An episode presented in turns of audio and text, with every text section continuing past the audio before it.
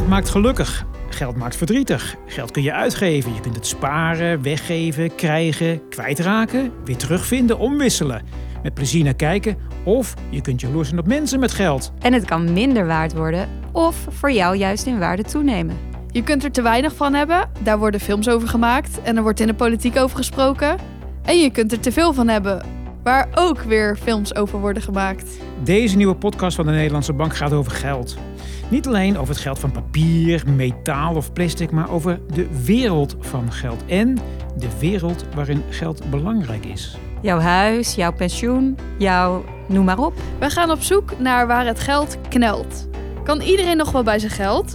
Hoe vals kan geld eigenlijk zijn? En gaat die digitale euro er nou echt komen? En wat doen we allemaal met ons geld? We kopen er woningen mee, maar wie kan dat nog betalen? Criminelen proberen het wit te wassen. En wat doen we daar eigenlijk tegen? Als we oud zijn, krijgen we het als pensioen op onze rekening. Uh, gebeurt dat wel op een eerlijke manier? Welkom bij de eerste aflevering van de podcastserie De Snelheid van Geld van de Nederlandse Bank. Ik ben Ruud Slotboom. Ik ben Isabelle Teams. En mijn naam is Vera de Man. Ja, de nieuwe podcast van de Nederlandse Bank, De Snelheid van Geld. Waarom hebben we dat eigenlijk zo genoemd? Nou, omdat uh, geld gewoon veel sneller gaat tegenwoordig. Uh, vroeger ging geld best wel langzaam. Je kreeg uh, biljetten in je, in je portemonnee. Maar nu hebben we natuurlijk kan je pinnen. Of binnenkort komt er ook een digitale euro. Dus alle technische innovaties. Geld gaat gewoon nou eenmaal veel sneller dan vroeger. Ja, en er is eigenlijk ook een hele wereld van geld. Dus of het nou gaat om, om geld voor je hypotheek... of het geld wat je op je rekening krijgt met je pensioen het is eigenlijk zo veelomvattend en daardoor ontzettend interessant. Maar we gaan het in de eerste twee afleveringen niet eens zozeer hebben over geld, maar over iets wat er wel mee te maken heeft, namelijk goud. Het goud eigenlijk van alle Nederlanders, want we weten dat ligt bij DNB. Maar waar ligt dat nou precies? Ja, dat is een goede vraag, Ruud. Ik, uh, ik weet het ook niet. Hopelijk komen we daar uh, in deze afleveringen achter. Ik weet in ieder geval wel waar het niet meer ligt. En dat is hier in Amsterdam op het Frederiksplein, ons oude DNB-kantoor. Ja, want dat DNB-kantoor aan het Frederiksplein, dat wordt nu verbouwd. Wij zitten tijdelijk ergens anders, ook in Amsterdam.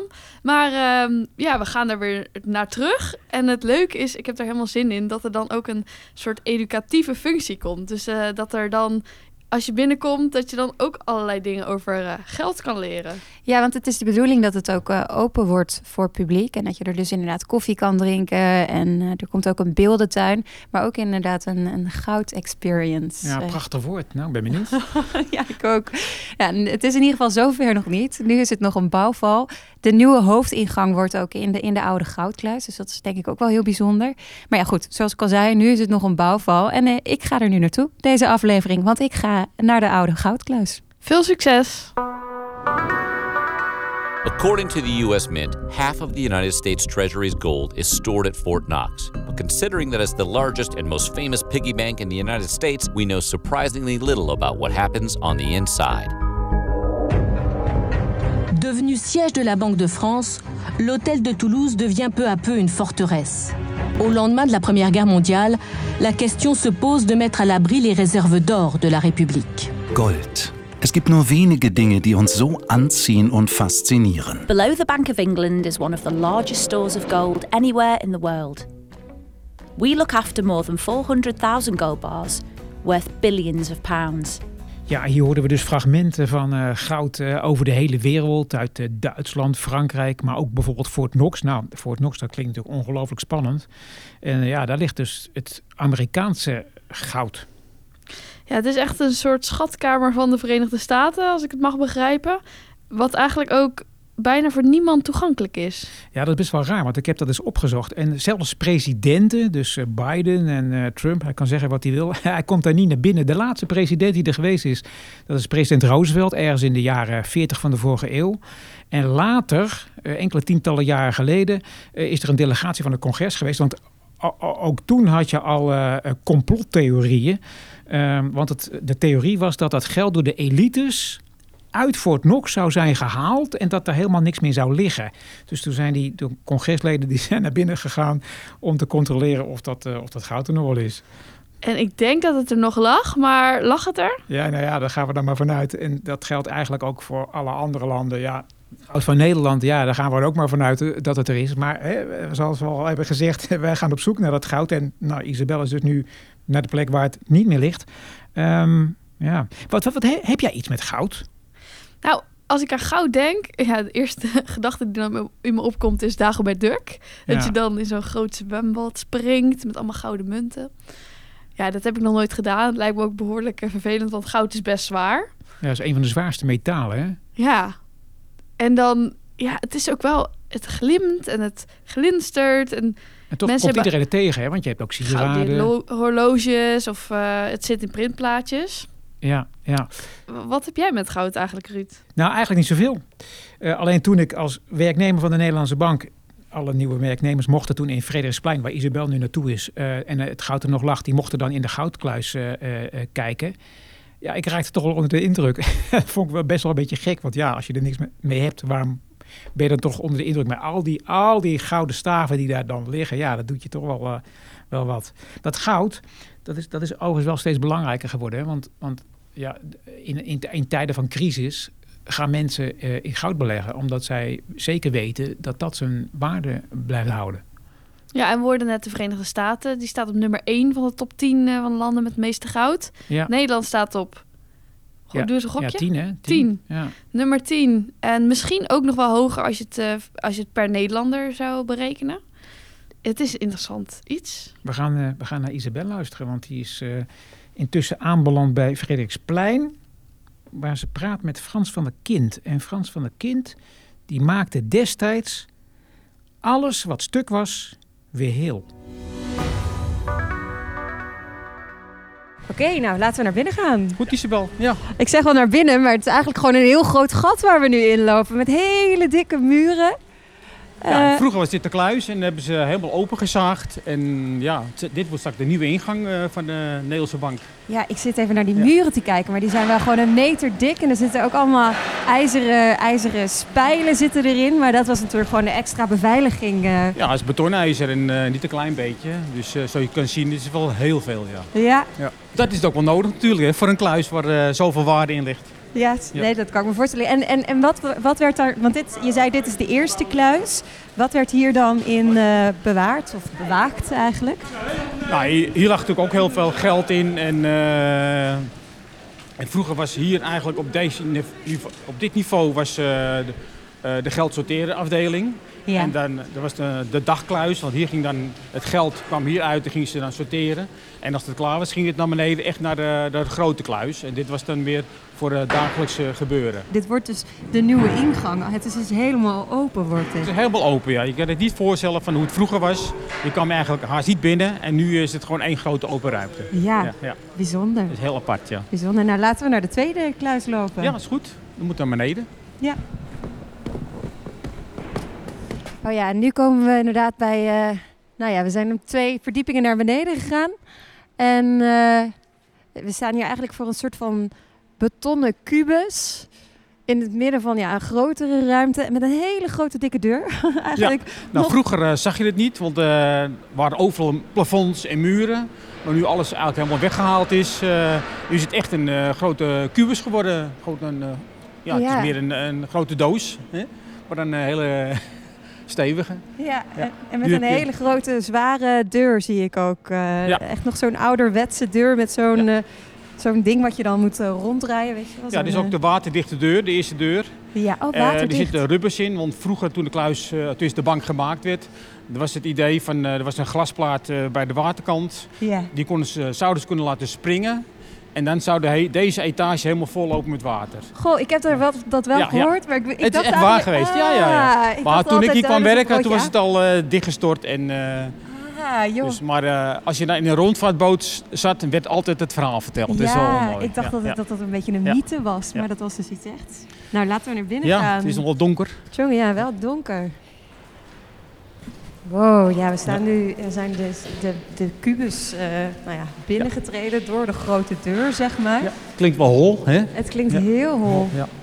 En hier, is- hier werd dus, ja, boven waar we net waren, kwam het nieuwe geld aan, zeg maar, van buiten. En dat werd dan hier naartoe gebracht? Nou, nieuw geld kwam eigenlijk hier, door de, hier voor de kluis, door de garage naar beneden. Oh ja? En als het, dan werd het hier eh, bekeken en eh, wat geteld moest worden, ging dan naar boven toe. Ah, oké. Dus oké. die ging die kant op naar de bankbudgetteerafdeling. Nou, de deur staat open, kluisdeur. En dan gaan we nu denk ik de goudkluis, of de oude goudkluis. eh, Nou, dan moeten we nog een stukje naar beneden. Oh, dan moeten we nog ja, weer ja, naar beneden. het zit op 03. Dit is 02.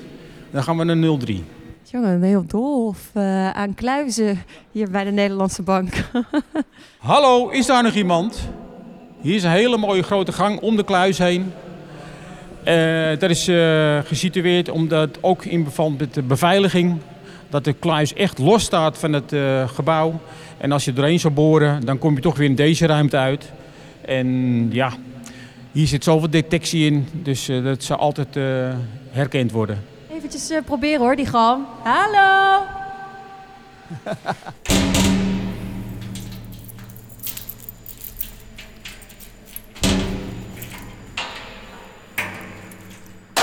Nou, save the best voor de Ja. les. Dan gaan we nu naar de goudkluis, denk ik.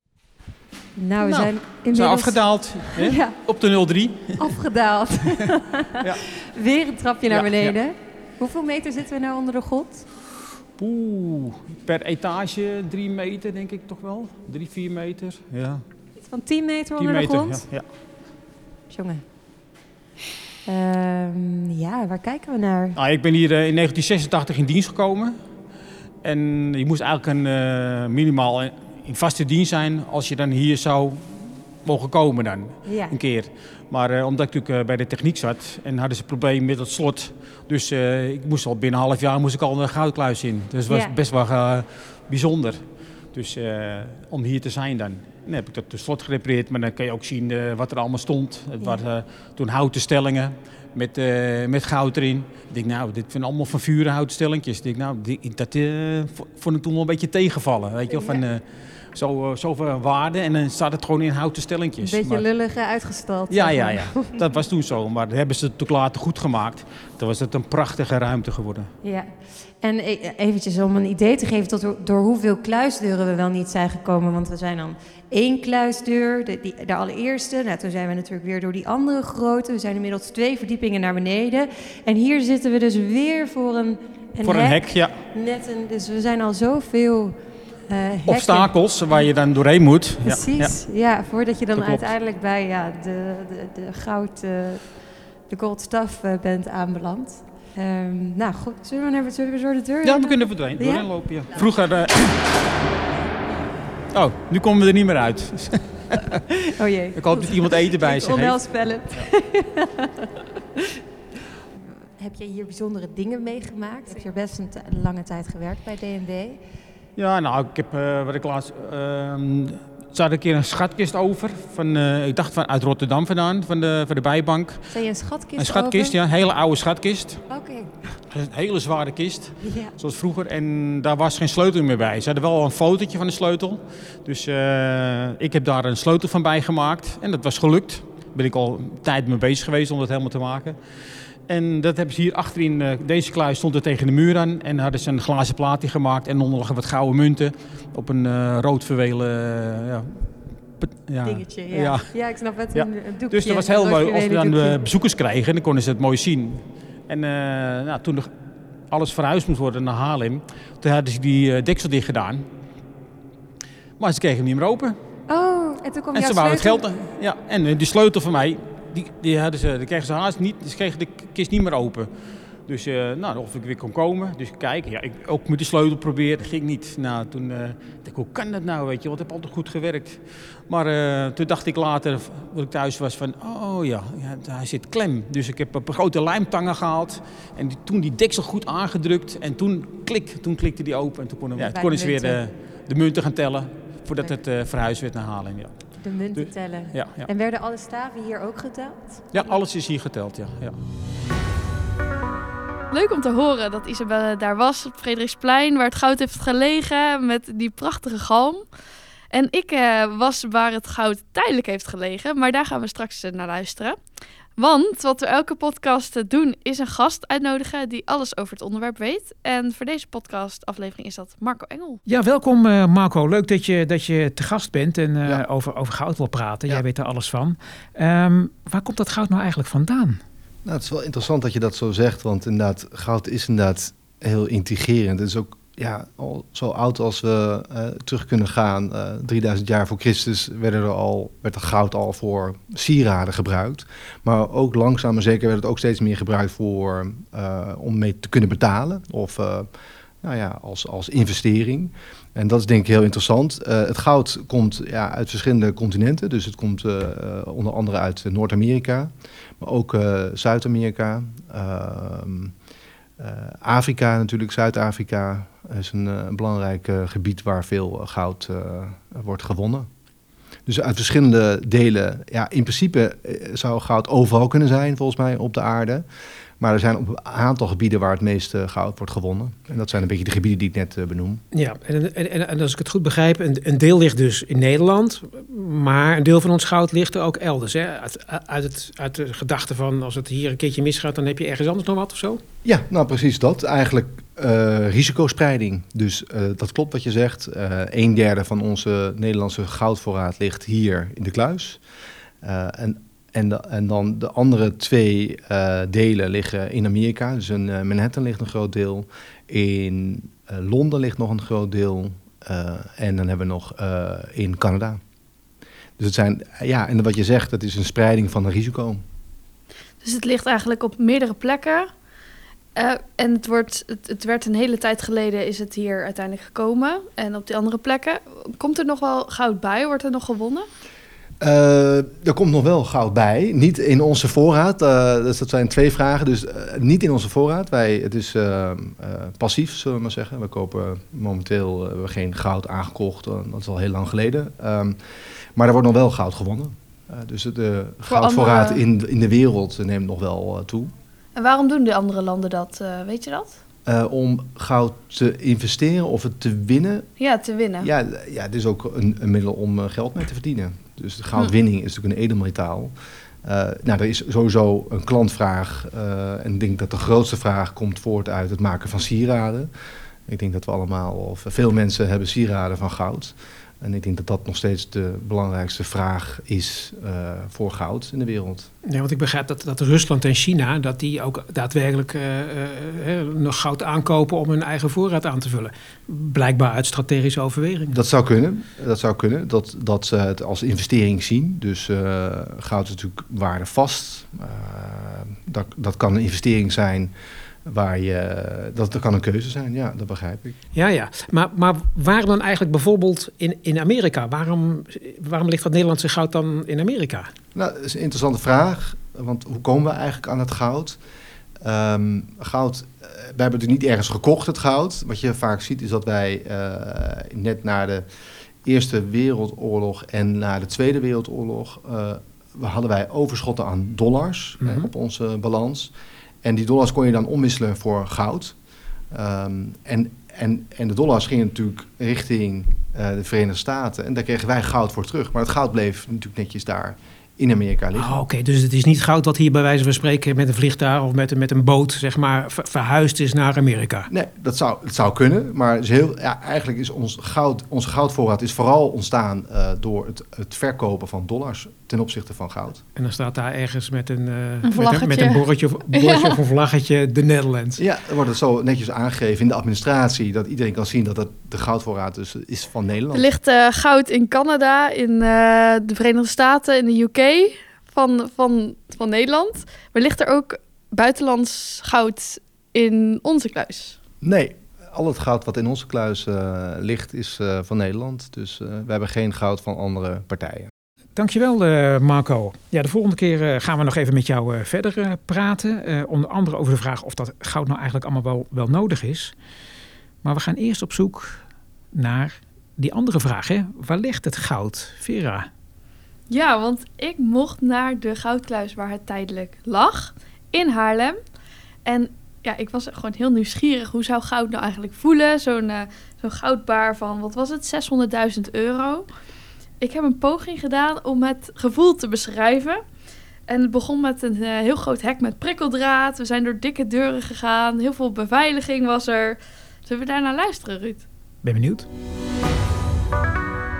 We staan echt voor een heel groot hek.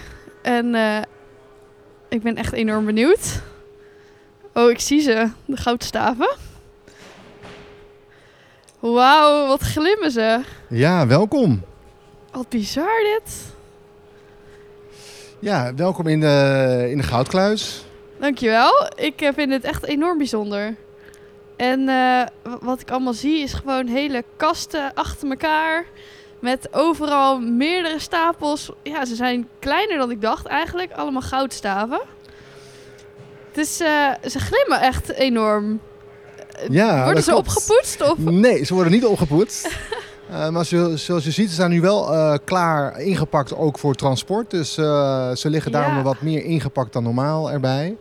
Eh, dus we zijn natuurlijk met de voorbereidingen bezig voor eh, de verhuizing naar eh, Zeist. En wat ik dus hier zie, zijn dus meer dan 15.000 goudstaven. Klopt dat? Eh, ietsje minder. Ietsje minder. Ik zou zeggen ruim 14.000. 14.000, meer dan 14.000 goudstaven liggen er hier. En dat is bij elkaar. Eh, ja, ik ben niet helemaal... De laatste goudprijs weet ik niet Ja, helemaal dat varieert precies. natuurlijk. Maar als ik kijk volgens mij naar de afgelopen jaren... denk ik dat eh, vorig jaar, als we naar vorig jaar keken... was onze hele goudvoorraad zo rond de 33 miljard waard. Hier ligt een derde. Dus ik zou zeggen, ligt hier ongeveer een derde. Dus eh, ongeveer 11 miljard. 11 miljard. Ik zit nu te kijken naar 11 miljard euro aan goudstaven.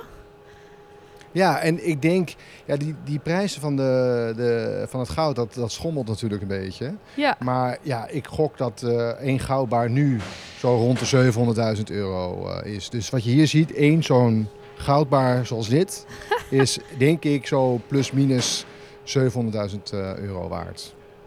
Ja, je mag, mag, ik het... zo'n goudbar eens optillen? Ik, Ja, ik ben wel benieuwd hoe het voelt om 700.000 absoluut. euro vast te hebben. Absoluut, ga je gang. Ik verwacht dat het best... Ja, ik weet niet wat ik verwacht. Oeh, dat is echt zwaarder dan ik had verwacht. Oeh, dat is wel een, best moeilijk om met één hand vast te houden. Oké, ja, dan moet je wel echt met twee handen doen. Ja, hoe zwaar zou dit zijn? Meer dan 10 kilo. Ja, klopt. Zo'n 12, 12,5 kilo. Oh ja. Maar het gekke is natuurlijk, omdat goud een van de zwaarste metalen is die er zijn, is dat je oog denkt van, nou, dat zal een kilo zijn. Maar dan is het dus 12,5 kilo. Ja, dat is echt zwaarder dan ik dacht. Oké, ik zie hier allemaal eh, cijfers op staan en de ene glimt wat meer dan de ander. Ik zie hier bijvoorbeeld goud 999 tot de macht 9. Wat houdt dat in? Nou, eigenlijk eh, het interessante van een goudbaar is dat de, de goudadministratie op de goudbaar zelf is eh, weergegeven. Eh, als je 100% goud hebt, dan is het 24, 24 eh, karaat goud. En dit is dus bijna 24 eh karaat Die goud. met 999 Ja. is dus bijna 1000. Ja, dus, dus bijna 100%, 100% ehm, eh, eh, eh, puur goud. Puur goud. En, deze, is veel minder. Hier Die glimt ook minder. Ja, dus die is, ja, dat zie je ook dat die wat doffer is. Dus die is samengesteld en dus uiteindelijk is het karaat goud veel lager. En dat bepaalt natuurlijk de waarde. Dus doffer betekent eigenlijk ook minder karaats goud. Ja. Ja, en hier zie je ook die inkepingen in de verschillende eh, baren zitten. En dat zijn de inkepingen om, eh, waar eh, het goud eruit gehaald is, om te onderzoeken wat het eh, gehalte eh, is van, de, van het goud. Dus hoeveel karaat het Ja. heeft. Precies. Nou Vera, ja, dat was leuk om te luisteren. En ja, ik vond dat je best wel goed omschreef wat het, eh, wat het met je deed. Ehm, sterker nog, eh, we zijn eigenlijk best wel benieuwd wat het nou met Klaas Knot heeft gedaan. En we gaan in deze podcast-serie iedere keer op het eind naar Klaas. Dat hebben we genoemd, misschien een beetje flauw, het slot met Knot. Ik vind hem goed bedacht. En Isabel is naar Klaas gegaan en heeft inderdaad gevraagd... Klaas, wat deed het nou met jou, al dat goud? Ik ben benieuwd. Hallo Klaas, leuk dat we hier eh, bij de eerste eh, eh, opname van Het Slot met Knot mogen zijn. Ja, hartstikke leuk Isabel. Leuk om te doen. We hebben de eerste aflevering gehad en die ging over goud. En ik weet nog wel de eerste keer dat ik in de goudkluis kwam, dat ik, dat ik een beetje het gevoel had van ja, het, het blinkt wel mooi al dat goud. Maar ja, je kan het niet opeten als je hier in deze kluis gevangen of vast komt te zitten of iets dergelijks. Wat dacht jij toen jij voor het eerst de goudkluis inkwam? Nou, ik moet zeggen dat uh, mij wel een gevoel bekroop uh, dat ik uh, was doorgedrongen tot echt de kern van het financiële systeem. Want ja, dat was natuurlijk met name vroeger zo. Hè, tegenwoordig is het allemaal niet zo één op één meer. Maar vroeger was het natuurlijk wel zo dat de hoeveelheid goud die in de kluizen van de centrale bank lag, die bepaalde de hoeveelheid geld die de centrale bank in omloop mocht brengen. En dat bepaalde weer de hoeveelheid geld die banken dan konden creëren. Hè, door, door dat uh, te gaan vermeerderen enzovoort. Dus ik had wel echt het gevoel, ja, net alsof je bij een kerncentrale helemaal hè, tot het kernsplitsingsproces uh, doordringt. Zo had ik hier het gevoel dat ik echt bij de kern van het financiële systeem was beland. Mooi, leuk. Nou, een goede afsluiter van de eerste aflevering, denk ik. Dit was de eerste aflevering van de podcastserie De Snelheid van Geld. In de tweede aflevering gaan we het nog een keertje over goud hebben. Want de vraag is natuurlijk, waar ligt dat goud nu dan? Midden in zo'n grote stad uh, kun je een gebouw eigenlijk niet zo goed beveiligen. En we hebben, zijn een unieke plek tegengekomen. Bedankt voor het luisteren. Tot de volgende keer.